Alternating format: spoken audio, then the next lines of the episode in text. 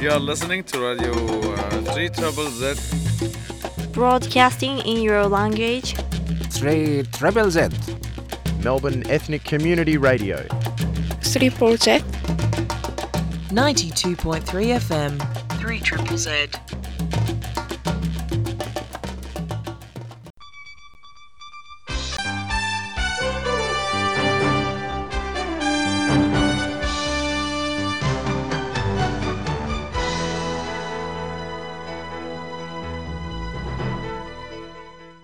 In der weltklassischer Fußballspiel hat Israel gewonnen gegen Nicaragua und hat verspielt zu Puerto Rico und dem Dominischen Republik. Israel ist auf dem vierten Ort in dem vierten Rang.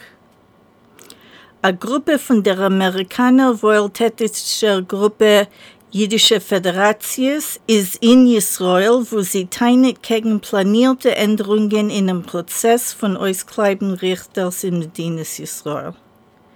Israels Präsident Yitzhak Herzog hat gewarnt, dass Bürgerkrieg ist möglich in Medinas Israel, ob die Regierung wird nicht eingehen auf Kompromissen wegen ihr Plan zu ändern den Prozess von Auskleiden Richters in Medinas Israel. Vorstehers von der jüdischen Kehille in Bulgarien haben verfehlt als Zeremonie in Andenk von 80 Jahren, nachdem wie das Land hat beschlossen, zu raten die 48.000 Jiden dämmelt im Land von den Nazis. Das ist geschehen, weil sie seinen Gewinn verbeten kommen auf der Zeremonie noch in der letzten Minute und euch etwas. Die Jiden haben eingeordnet eine eigene Zeremonie dem 10. März, ein Tag, was die lokalen Jiden rufen, dort von Yeshua. Die allgemeine Zeremonie hat beehrt dem König Boris, was hat angeführt mit der pro-nazischen Regierung. Chotsch, er hat untergeschrieben, aber Befehl zu raten, die 50.000 Jiden, nachdem wie die Nazis haben ermordet 11.343.000 bulgarische Jiden. Der König Boris ist sehr populär bei der weitrecht gestimmten bulgarischen Regierung.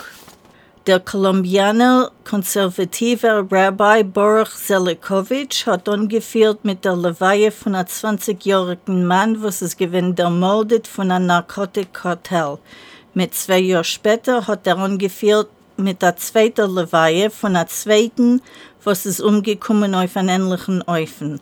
Letztens ist Zelikovic geworden der Rabbi von Schule auf der Insel Aruba, wo Jiden wohnen von dem 16. Jahrhundert an.